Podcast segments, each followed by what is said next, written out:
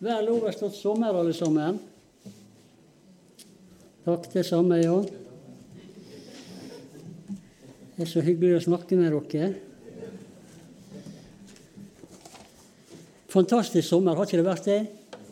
Vi får jo betale til høsten, sier de. Det blir dyrere strøm, og det blir krumma gulrøtter skulle det bli òg, sa jeg. Men eh, det får vi bare ta. Det har vært fantastisk. Eh, jeg savner Arvid, for jeg savner glasset mitt med vann. Arvid sørger alltid for at jeg har et vannglass her, Kjell Rund. Og det er litt greit å ha når det røyner litt på og blir litt tørt.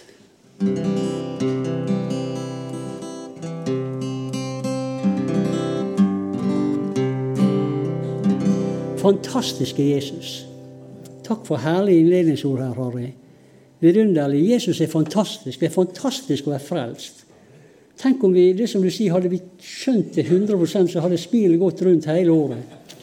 Men det, jeg tror når vi skjønner mye, da Det er fantastisk å være på vei til en himmel når det fins en evig fortapelse. Det er bare ubegripelig. Men vi har fått lov å ta imot ved, ved nåde, og vi er veldig takknemlige. Skal vi se litt Jeg tenkte jeg skulle synge en av disse her eh, fine, gode, gamle sangene, som vi sier, som jeg lærte som ganske nyfrelst. Og som jeg har sunget i 45 år. Og denne synger jeg nok til jeg blir over 90, tenker jeg.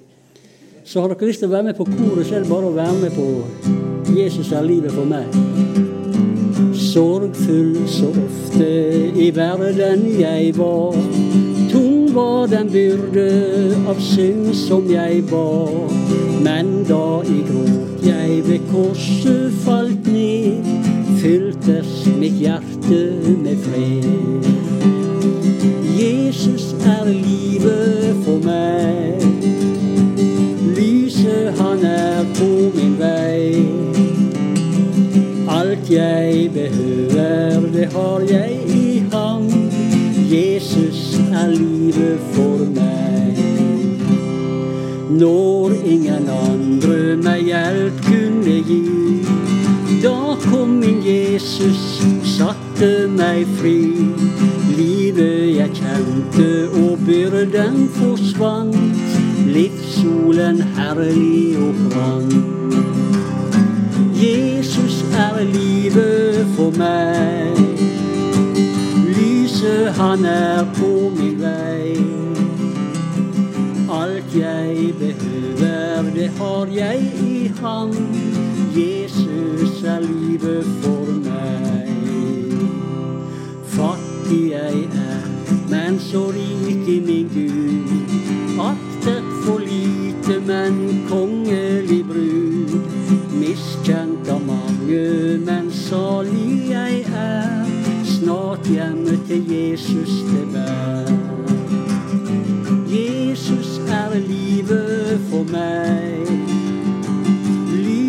han er på min vei.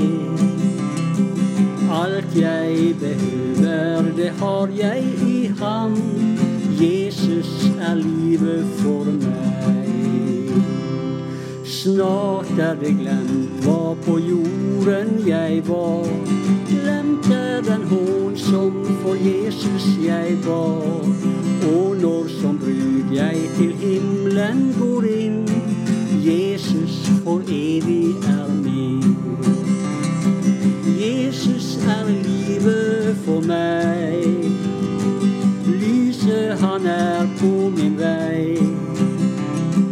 Alt jeg behøver, det har jeg i ham. Jesus er livet for meg. Takk, Kjelleren. Unnskyld at det var litt krass i tonen. Vi må få igjen han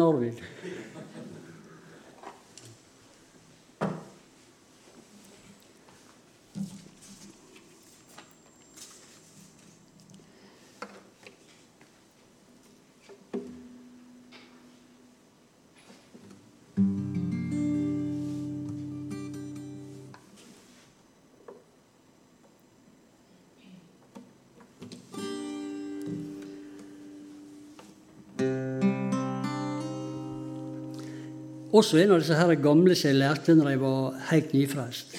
Jeg liker nye sanger òg. Jeg liker så herlige lovsanger og alt dette her. Men jeg synes det, når jeg er alene for meg sjøl, da synger jeg disse gamle sangene. Og jeg liker å synge dem i møter med. Og dette her er igjen en av disse aller første som gjorde et veldig inntrykk på meg, men som jeg har satt en ny melodi til sjøl gjennom åra, de siste åra. Det er ofte sånn at når jeg synger disse gamle sangene, så kan du av og til bli litt mett på melodien. Når du har den 42 764 ganger, så kan det være kjekt å ha en ny melodi på. Så da bare lagde jeg liksom kjapt inne for meg sjøl, og den synger jeg også av og til. Og på en høy langt herfra sto et eldgammelt kors.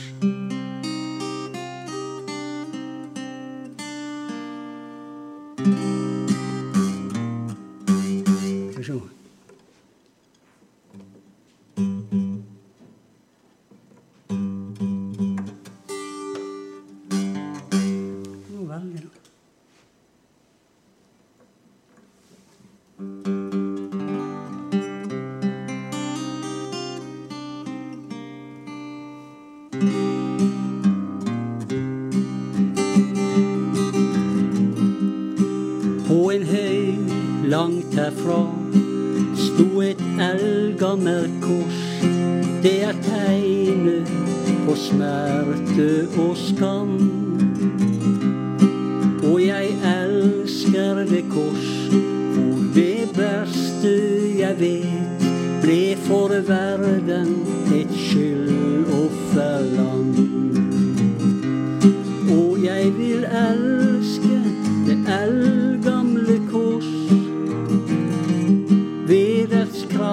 skal jeg seirende stå.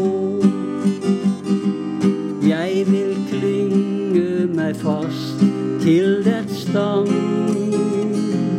inntil heset jeg kronen skal få.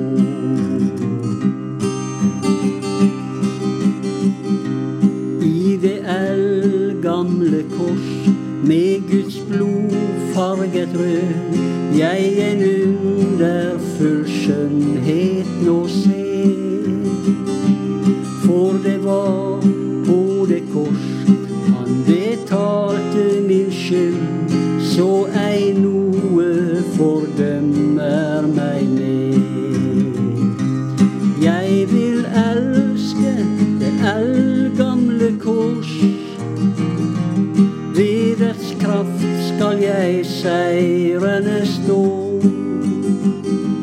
Jeg vil klynge meg fast til et stam.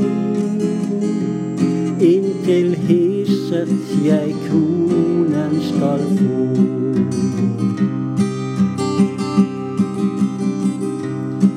Og det eldgamle kors, så foraktet det er, det på meg har slik dragende makt. Guds hellige land.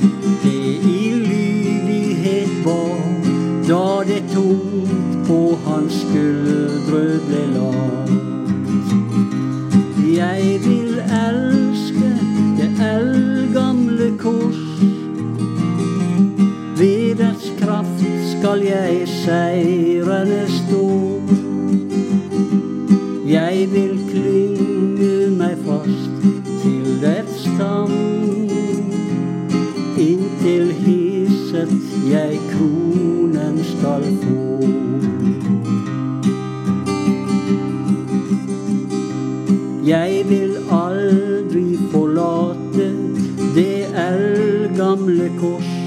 Jeg med glede vil bære dets skam. Til en dag han meg kaller, til herlighet stor, hvor jeg evig skal være hos ham. Jeg vil elske det eldgamle kors. Ved dets kraft skal jeg seire.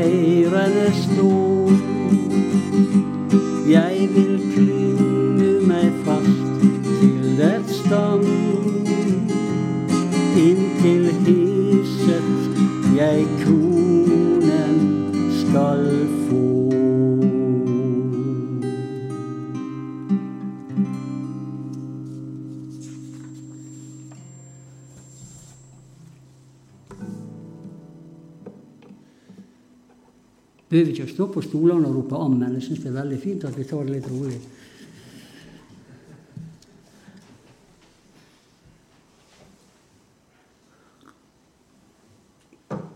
Og så har jeg en til som jeg har lyst til å synge. Skal vi se om jeg husker melodien der. Skal vi se.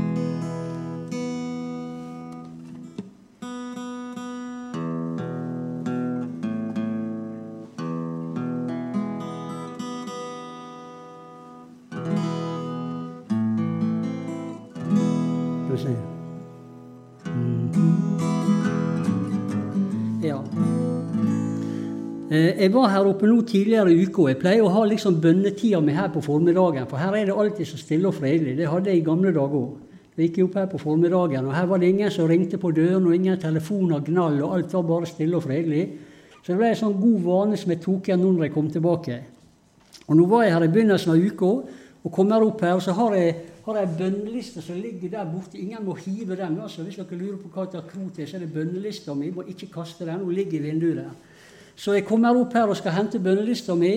Og så begynner jeg å liksom, sånn nynne på en sang idet jeg kommer inn her. Og det er jo ofte når du er musikalsk, så går liksom sanger i hodet. Av og til så lager du nye melodier. Og noen ganger så syng, begynner jeg plutselig å synge en sang som ikke har hørt verken tekst eller melodi. Og så blir det sånn bare der og da, så etterpå så glemmer jeg den. Dette skjer ofte. Det tror jeg har, jeg tror mange gjør sånn som er musikalsk. Du synger litt hele tida. Så begynte jeg å nynne på en sånn flott melodi det å komme opp her i dag nå i uka, som jeg ikke har hørt før. Så jeg tenkte denne var noe fin, tenkte jeg. Det var en god melodi. Og prøver den en gang til. Så nynna jeg på den en gang til, og så tenkte jeg denne var veldig god. Kanskje jeg skal nynne den på Elin på søndag, tenkte jeg. Men jeg må jo ha en tekst på den. Det er dumt å bare nynne en melodi. Så tenkte jeg kanskje jeg får en tekst, da, men så fikk jeg ingen tekst. Så idet jeg går her og er litt rådvill, da skal jeg begynne å be, eller hva skal jeg gjøre med denne sangen? Så tenkte jeg kanskje det ligger en sang i boka der som liksom går rett inn på denne melodien. Men så gikk det jo for meg at der er jo nesten 600 sanger. Jeg kan ikke synge meg gjennom 600 sanger for å se om jeg finner en som passer til denne melodien. For når jeg har kommet gjennom, så har jeg jo glemt melodien antagelig. Men så gikk jeg av en eller annen grunn ned, og så tar jeg boka og så lukker jeg opp i det jeg går opp her, så legger jeg jo bare sånn på første sangen. Og da synger jeg denne her sangen rett inn i den melodien. Og Da, da fikk jeg en sånn fornemmelse. Kanskje noen skal ha akkurat denne teksten her i kveld. Som en, som en trøst fra Gud, kanskje. Det er ikke godt å vite, men når jeg får en sånn fornemmelse, så tenker jeg må iallfall da bare synge det, og så får vi se om Den hellige ånd kan gi det til noen. Så her er denne fine teksten. og jeg tror hvis du, det kan hende du kan legge den opp, Elsa. Den står på nummer 348. Så er det eh, lettere å få utbytte ut av en sang når den eh, ligger på skjermen. Teksten kommer i tillegg til synginga.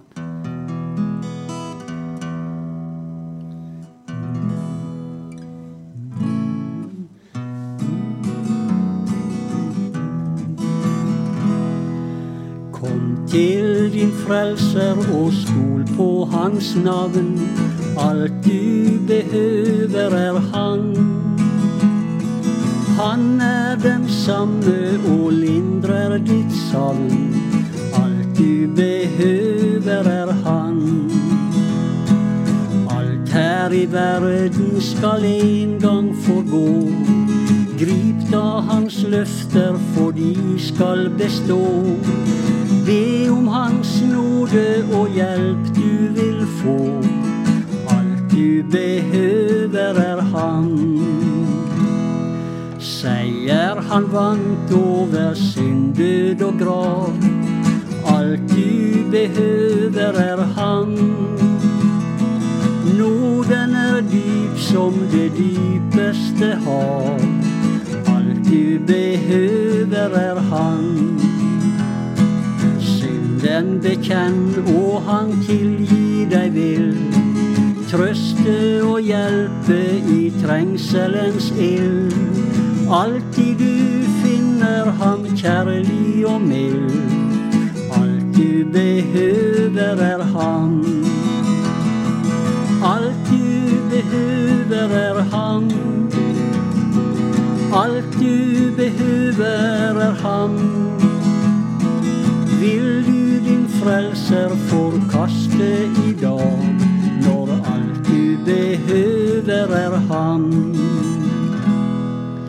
Gi deg til Jesus mens kaller deg nå. Alt du behøver er Han. Sjelenes lengsel så vel han forstår. Alt du behøver er Han. Lytt til hans stemme og gå ikke bort. Motta ham nå, for ditt liv går så fort. Tro på det fullbrakte verk han har gjort. Du behøver er han. Alt du behøver er han. Alt du behøver er han. Vil du din frelser forkaste dag, når alt du behøver er han? Hør! Seier han vant over synd, og grav. Behøver er han. Noden er dyp som det dypeste hav. Alt du behøver er han. Synden bekjenn, og han tilgi deg vil. Trøste og hjelpe i trengselens ild. Alltid du finner han kjærlig og mild. Du behøver er han. Alt du behøver er han. Alt du behøver er han. Vil du din frelser forkaste i dag, når alt du behøver er han?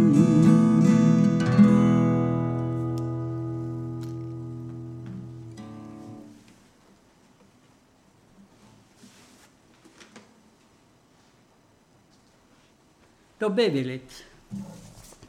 Herre, nå priser vi deg for ordet og for evangeliet, Herre. Og du lar det aldri vende tomt tilbake, Jesus. Men du har en tanke også for ordet denne kvelden. Og nå sitter vi innenfor deg, Jesus, og så sier vi tal til oss, du, Herre. La disse ordene bli til liv i vårt liv, Herre. La det bli til oppmuntring i vårt liv, i vår hverdag, Herre. Vi ber om at du taler til vårt hjerte og forvandler livet vårt, Herre, og likedanner deg med det i Jesu navn. Amen.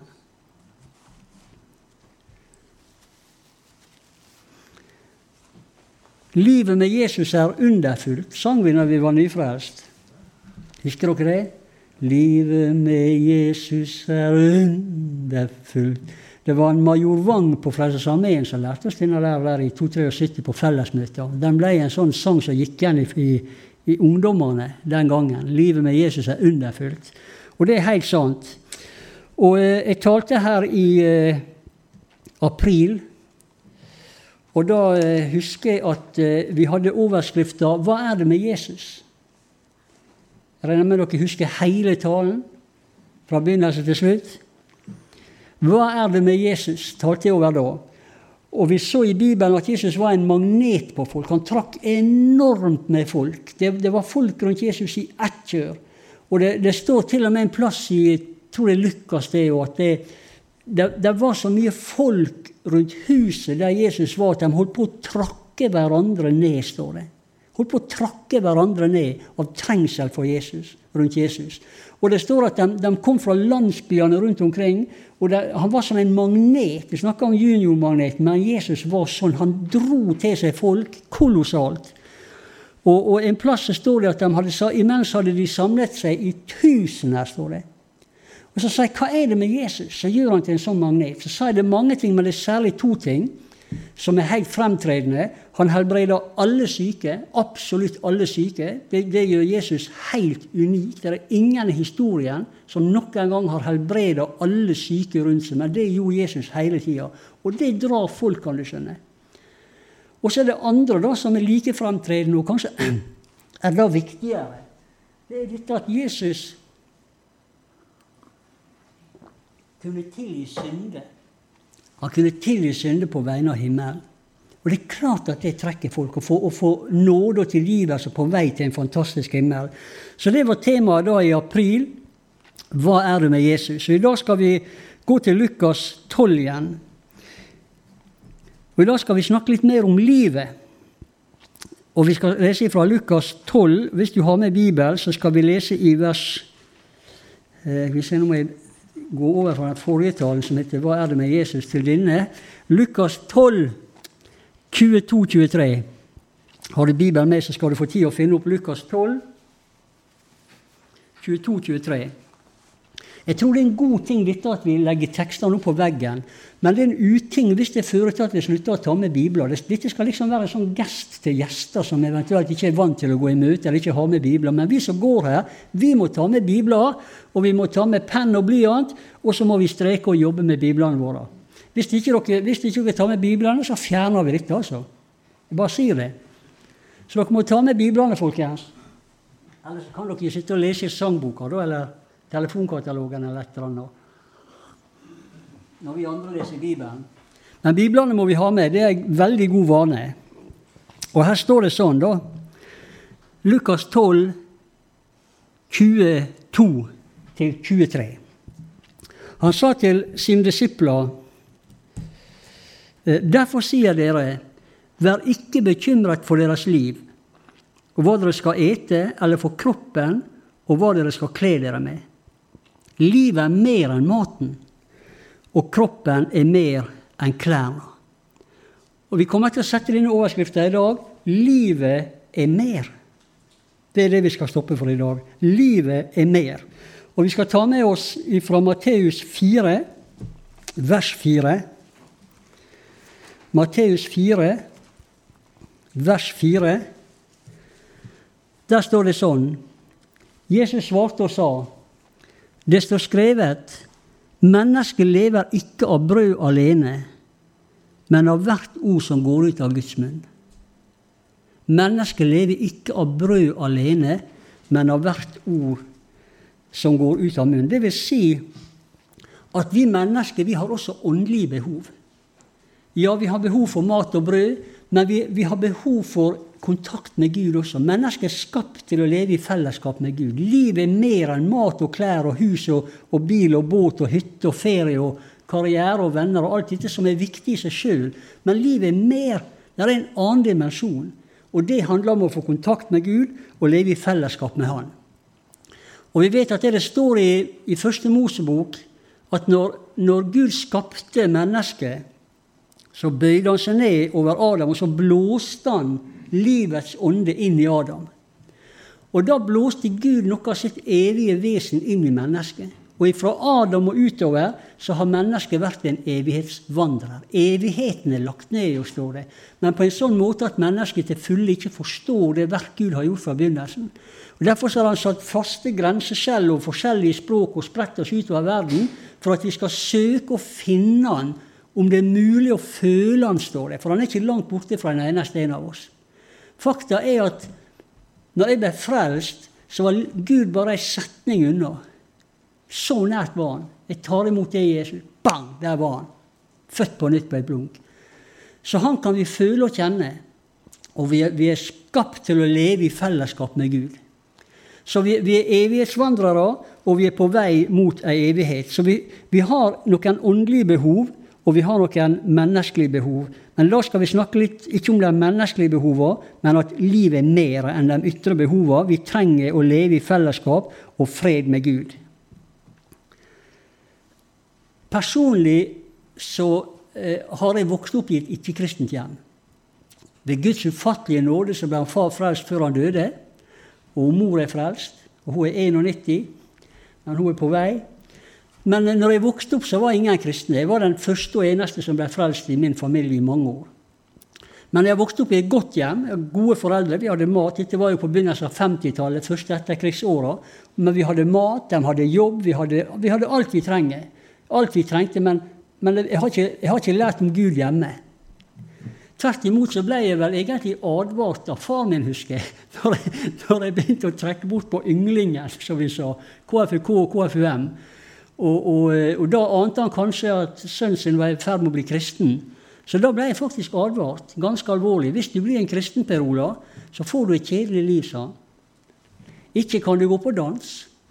Ikke kan du spille kort. Ikke kan du gå på kino. Så du må velge. Enten må du ha det gøy, eller så må du være kristen. Det er greit å få med seg hjemmefra. Så skal det sies at han ble frelst. Det tok noen år. Men det var liksom oppmuntringa jeg tok med meg da på, på ynglingen. Blir kjedelig å bli frelst. Men du vet, når jeg, når jeg rota meg inn på bedehuset, på fellesmøter, 23 år, og tok mot Jesus og ble født på nytt, da skjønte jeg livet mer. Livet mer. Det er en dimensjon som ikke, ikke vi får tak i når ikke vi har fått tak i Jesus. Det er et tomrom, pleier vi å si. Husker jeg talte om en gang Det er som, det er som et puslespill, men det mangler den viktigste brikken. og Da er ikke det ferdig. Men når Jesus kommer inn, da fatter du det livet er mer. Og jeg, hadde, jeg husker når jeg, når, jeg, når jeg, vokste opp, så var jeg med og spilte gitar i forskjellige sanggrupper og, og var med på amatørkonkurranser. Og jeg var, faktisk var såpass heldig må jeg si, at jeg vant noen av dem også. Og, og, jeg var ofte på den gruppa eller på den duetten som vant amatørkonkurransene som var på Ynglingen. Og så kom vi i avisene, og vi ble litt sånn lokale småkjendiser. Og jeg husker jeg hadde, jeg hadde masse venner, venninner, og jeg husker at jeg, jeg tenkte noen ganger at egentlig så er jeg fantastisk heldig, for jeg har alt. Jeg, jeg spiller gitar, jeg er populær. Jeg har jo alt. Og jeg husker jeg spilte fotball på Skard Skaregata. Eh, og, og, vi hadde guttekuppet bak fjellet og på Aksla stadion. Og Skard Skaregata var så god at vi kom i finalen flere ganger. Og jeg husker to av finalene vi tapte mot Lyn Langevåg. Sikker på du spilte. Og jeg kan huske vi var i finalen på Aksla stadion. Og vi kom på Sportsrevyen på 60-tallet i sort-hvitt-fjernsyn. Det var ikke alle som hadde vært på Sportsrevyen den gangen, det skal jeg love dere, men vi var på Sportsrevyen. Vi var, vi var i guttecupen. Og jeg husker vi spilte finale på stadion. Og når kampen var over, så hadde NRK glemt å sette film i apparatet sitt. Så, og vi tapte finalen 1-0. Men vi var nødt til å spille den opp igjen én gang til med film i apparatet. Og da tapte vi 2-0. Så hersens lyn Langevåg begge gangene. Men det rare er det at enda jeg hadde alt jeg trengte Jeg mangla ikke en ting. Men merkelig nok, altså. Og vi var i avisene, og, og, vi hadde vært ute og spilt, uh, spilt uh, viser i popmiljø og forskjellige ting. Men når jeg kom hjem igjen om kvelden, og, jeg, og, det ble stille, og jeg lå og skulle sove, og jeg lå og tenkte, og, og, og mørket hadde slått lys, lyset og var stille, og tankene kom, så husker jeg at jeg tenkte Er dette alt? Er ikke livet mer? Er det bare dette? Og Grunnen til at jeg tenkte sånn, det var at jeg hadde gått på YA, yngresavdeling på bedehuset. Og vi hadde vært på Brustadsheimen på, på, på eh, gutteleir. Og, og, der hadde disse andre vitna om Jesus, husker jeg, på et, på et kveldsmøte med vitnemøte. Og jeg hørte disse her, Vi var ikke gamle, vet du, men disse her unge guttene ene kompisen min etter den andre begynte å vitne om Jesus. Og jeg bare satt og visste dem har noe som jeg mangler. Og dette fulgte meg opp gjennom oppveksten. Og selv når vi var så populære, og vi sang og vi var i avisen, og alt dette der, så dukka disse tankene opp. Er dette, er dette alt? Er ikke det mer? For jeg visste det var noe mer. Og jeg visste jeg hadde ikke fått tak i det. Men så rota jeg meg inn på fellesmøter med Manuel Minos. Da var jeg blitt 22-23 år. Og han forkynte evangeliet så fantastisk enkelt at til og med jeg skjønte det. Og jeg, kan, jeg kommer aldri til å glemme den dagen jeg, jeg bestemte meg, satt på galleri, og jeg bestemte meg nå er det du, Jesus? Og jeg, og jeg gikk ned, ned, på en sånn uh, sidesal. Alle, alle, kunne komme frem som ville bli frelst. Og jeg gikk inn på en sidesal der og knelte med en stol, og de kom og ba for meg. Og det var, altså Hadde, hadde jeg visst tidligere det jeg skjønte da, så skulle jeg blitt frelst lenge før. Men der bare bekjente syndene mine, og jeg ba Jesus om tilgivelse, og jeg ba Jesus komme inn, og der ble jeg frelst og fikk fred med Gud. Livet var mer. Men jeg fikk ikke tak i det før jeg fant Jesus. Da skjønte jeg at det er mer. Det er en annen dimensjon.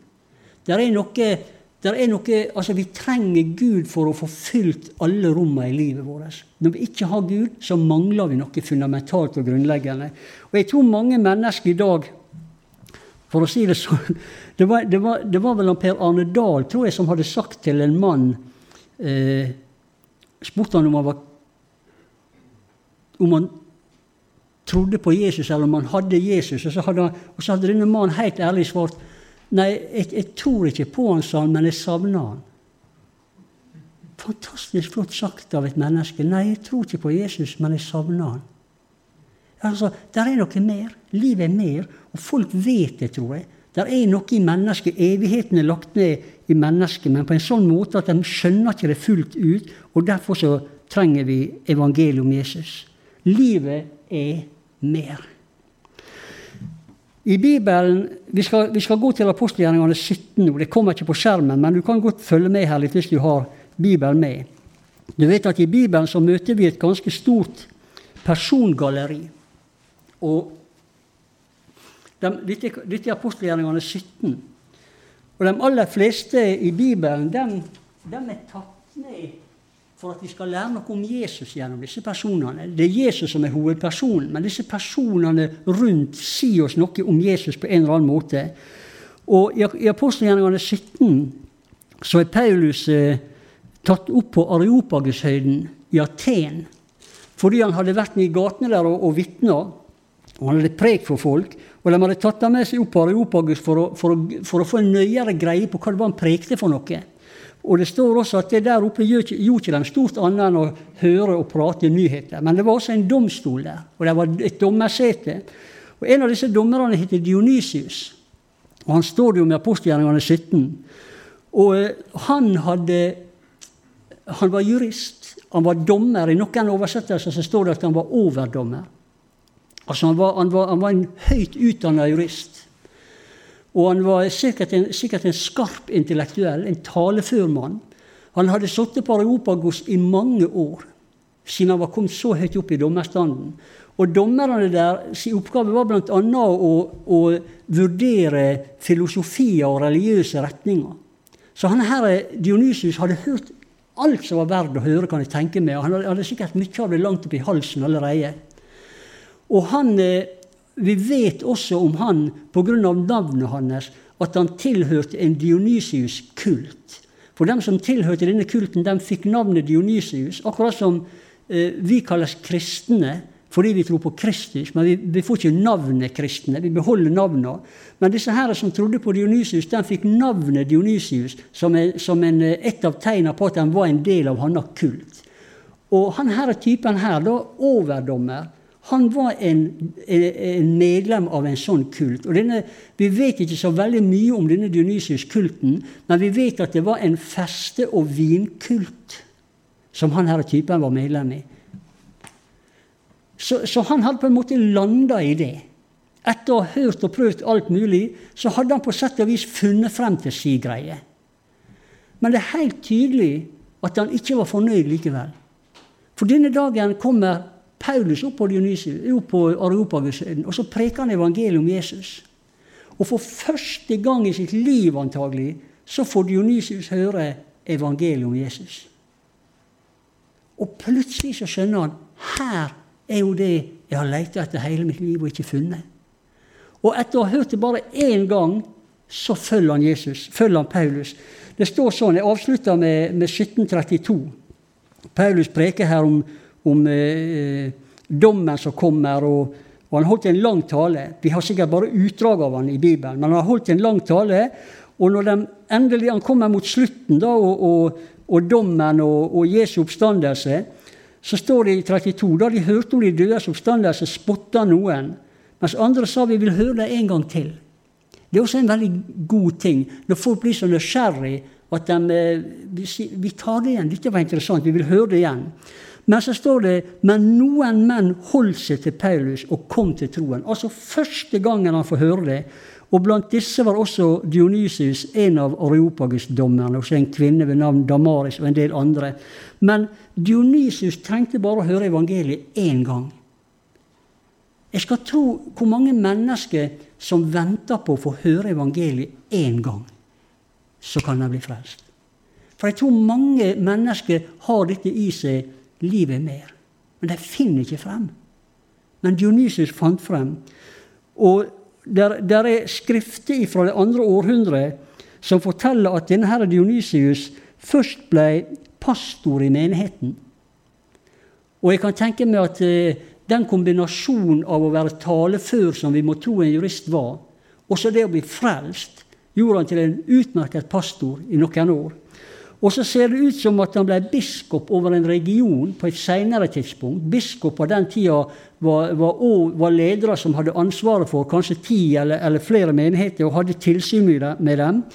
Og det var han i en del år, men så ser det ut som, at han, ut som om at han lei martyrium på, mot slutten av livet, da, i, i, i, høyere alder, og ble drept for troa si. Så, så, denne mannen er i dag i paradiset, i påvente av oppstandelsen. Men det begynte med at Paulus kom og prekte evangeliet, og han skjønte livet er mer. Det er ikke nok, det jeg har funnet. Jeg har ikke funnet det rette svaret. Men Jesus er svaret. Og så kom siste brikken på plass, og han skjønte også at livet er mer. Og jeg, nevnte at det, der er, det kan være mange mennesker som venter på et enkelt vitnesbyrd, som er så åpne. som pastor har jeg sett det flere ganger. Folk i menigheten min som har truffet på mennesker, har vært vid åpen, har vitna for dem, og de har blitt frelst. Og jeg husker i, når jeg var i Halden så, så, jobben min når jeg kom til Halden, var å organisere et nett av bibelgrupper i menigheten. Eh, det var, den, det, var den, det var, den, jobben jeg fikk det året jeg var der, sånn i hovedsak. Og vi, vi, jeg tror vi starta 13 menigheter, ga dem sånne lokale ansvar utover i bydelene. Og så lot vi ei bibelgruppe ligge et år i forveien og prøve ut ting for de andre, slik at vi kunne lære litt av feilene og det som var bra. Og så satte vi i gang i, neste, i alle andre grupper neste år med da erfaring.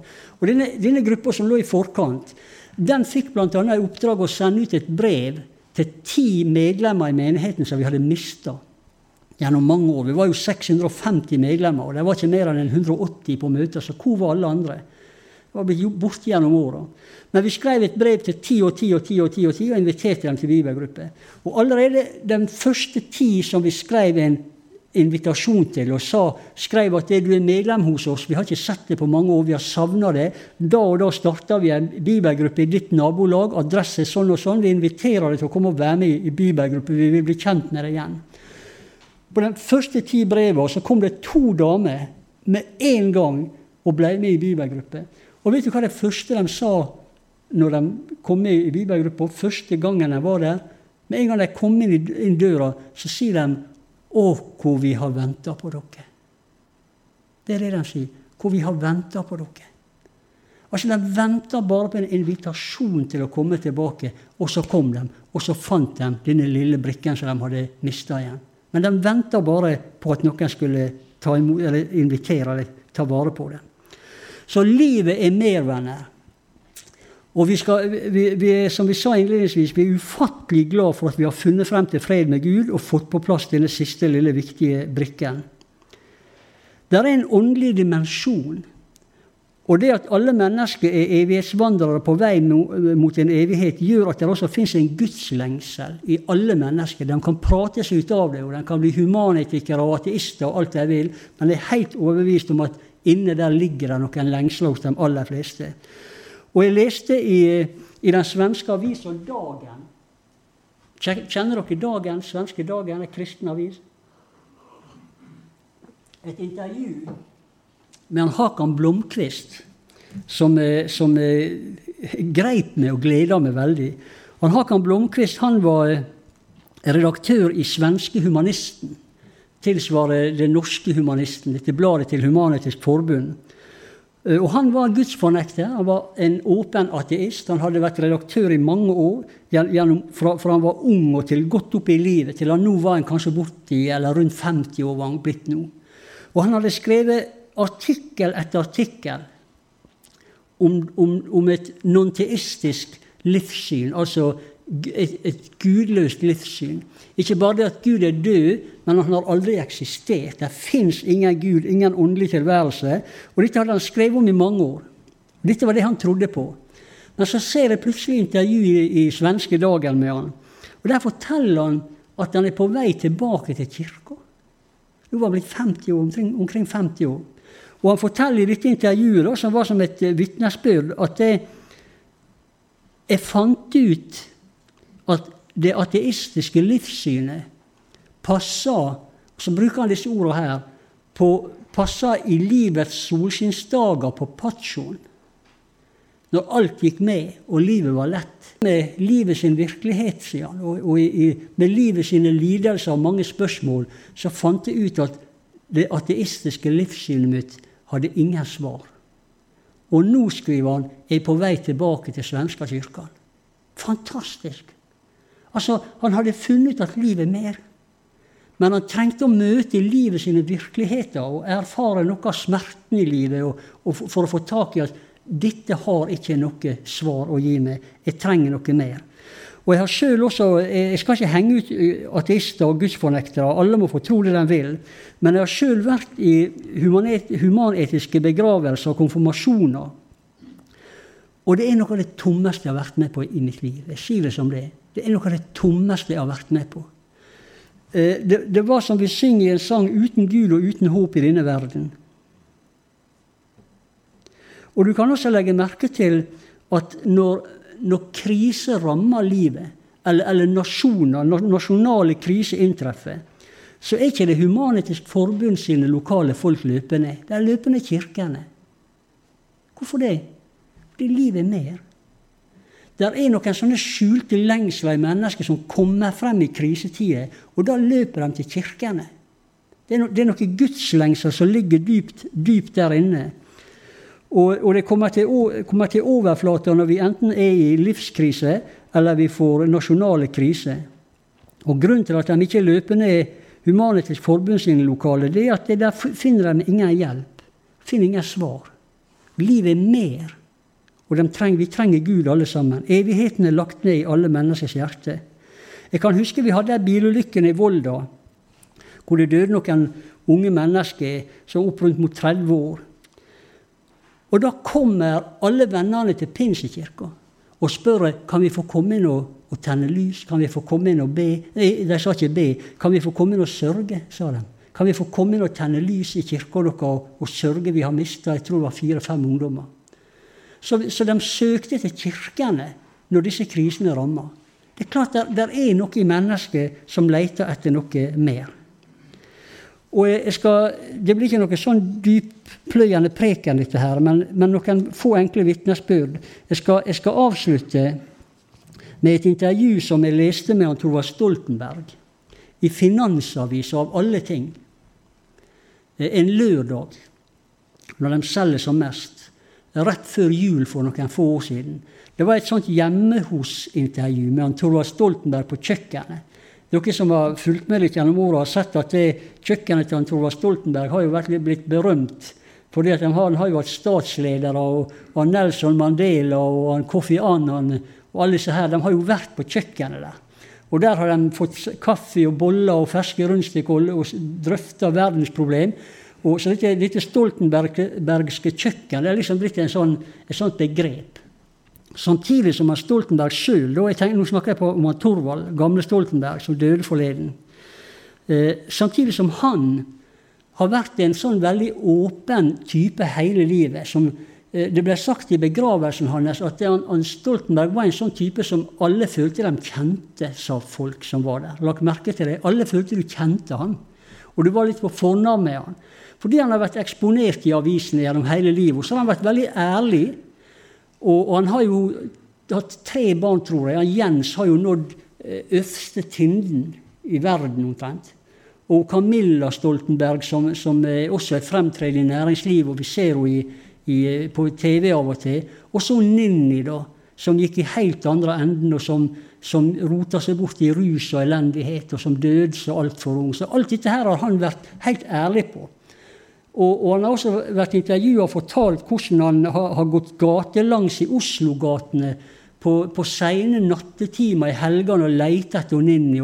Noen ganger har han funnet henne i rennestein, og noen ganger ikke funnet henne. Alt dette har han delt. Vært helt ærlig og åpen på det. Så det gjør at du, du føler du kjenner han litt. Så når jeg så det intervjuet i Finansavisen, så, tenkte jeg dette skal jeg ta og lese. Se hva Torvald Stoltenberg sier for noe. Og Det var ei dame som intervjua han. Og hun om mange ting. Og så plutselig i dette intervjuet da, så sier hun sånn rett ut av ingenting så sier hun plutselig 'Tror du på Gud?' Nei, sier han, det, det gjør jeg ikke. Jeg tror ikke på Gud. Og så sier han et eller annet er til og med banna, tror jeg han sa, for liksom å understreke at han er absolutt ingen kristen. Men så sier denne dama som intervjuer han, men hvorfor feirer du jul da? Nei, jul, sier han, det er ei eh, stor familiesamling. Det, det, det, er familietid. Da samler vi storfamilien. Vi tenner lys, vi pynter. Vi kler oss pent, vi spiser godt, vi drikker godt, vi, vi gir gaver. Så, så, jula det er, sånn, det er sånn stor familiesamling som vi setter veldig pris på. Og så vil hun liksom ikke helt slippe. Så, så sier hun til han, 'Men ber du?' Og da skulle du jo tro at han som ateist ville si nei, selvfølgelig ber jeg ikke, jeg tror jo ikke på Gud. Men da sier han ja, det gjør jeg. Det gjør jeg. Jeg ber, sier han. Jeg ber når mine er i nød. Jeg ber når mine er i fare. Eller når de er på reise og, og, og er redd for dem, sier han. Da ber jeg for dem. Og så sier hun men hvorfor ber du til Gud når ikke du tror på Gud? Og da sier han Thorvald Stoltenberg du vet, innerst inne så har jeg vel et håp om at det skal være en der ute som er større enn meg sjøl. Hva er det som gjør at en erklært ateist innerst inne tenker sånn? Livet er mer. Derfor. Evigheten er lagt ned i hvert menneskes hjerte, men på en sånn måte at de skjønner ikke det. Men det er noe mer, og jeg tror folk søker og leter etter dette mer, og vi finner ikke dette før vi finner Jesus. Det er Jesus som er dette mer, som gir livet mening. Som det var, det var ei dame i Danmark som ble frelst ut av sånne eh, New Age-greier. Hun hadde gått langt, langt i New Age. Skrev ei bok, ble frelst, skrev ei bok. Skrev hun denne boka hvordan hun hadde leita og leita innenfor New Age-kulturen og gått dypere og dypere inn i ting. Men Alltid når hun fant noe nytt, så ble ikke hun tilfreds. Hun måtte lete mer og hun måtte lete mer. Og hun fant liksom aldri til bunns før jeg tok mot Jesus, sa hun. Og da slutta jeg umiddelbart å leite. Du vet det som Jesus sier, den som drikker det vann jeg vil gi han, skal aldri i evighet tørste mer. For dette vannet blir et liv som veller frem til evig liv. Og det er når vi har funnet Han, at vi skjønner hva dette mer handler om. Livet er mer. Det er Guds ufattelige nåde at vi har fått tak i Jesus. Helt til slutt Jeg pleier å slutte fire ganger. Da skal jeg slutte bare én. Helt til slutt. Og Birgit snakka med en mann en gang for eh, mange år siden. Sikkert ja, faktisk nå 40 år siden. Men han ville ikke høre noe om Gud. Hun snakka med han om Gud. Han ville ikke høre om Gud, og hun fortsatte å snakke med han, besøkte han, men han ville ikke høre. Og så sier han eh, ofte så sier han 'Jeg tror ikke på Gud', Birgit. sier han. Og til slutt så, så, fikk hun forbud mot å snakke om Gud i det hjemmet. Så hun begynte å be. Hun ba i 30 år. Og mannen ble gammel. Og så begynte hun å snakke om Jesus igjen. Men han ville ikke høre. Og hun prøvde igjen. Og han, hun, han, sier at ja, men 'jeg tror ikke på Gud, Birgit', sier han. Og så fikk hun ei setning. Så sier hun ja, men det er jo ikke hjelp i hvis han fins. Så så han opp, og så sa han nei, det er jo sant. Pling. Det gikk ikke en måned, tror jeg, så var han frelst. Det er jo ikke hjelp i å ikke tro hvis han finnes. Ja, det er jo sant. Du ser, livet er mer. Livet er å ha fred med Gud. Alle dem som tok imot ham, dem ga han rett til å bli Guds barn. Hver den som påkaller Herrens navn, skal bli frelst. Den som har Sønnen, har livet. Den som ikke har Guds sønn, har ikke livet. Må Gud velsigne oss til å gjøre sånn som Korinterbrevet sier både ta imot og holde fast helt til vi skal herifra. Jesus gjør livet til noe mer. Vi ber. Herre, vi takker deg for at du er selve livet. Og vi takker deg, Herre, for at vi har fått lov å ta imot deg, fått lov å tro på deg, at vi får tilhøre deg, og at vi skal holde fast på det så lenge vi er her, Jesus. Takk at du har fylt oss med Den hellige ånd, som gjør dette levende og klart du er selve livet, Herre, og du gjør livet til mye, mye, mye mer. Takk skal du ha, Jesus. Amen.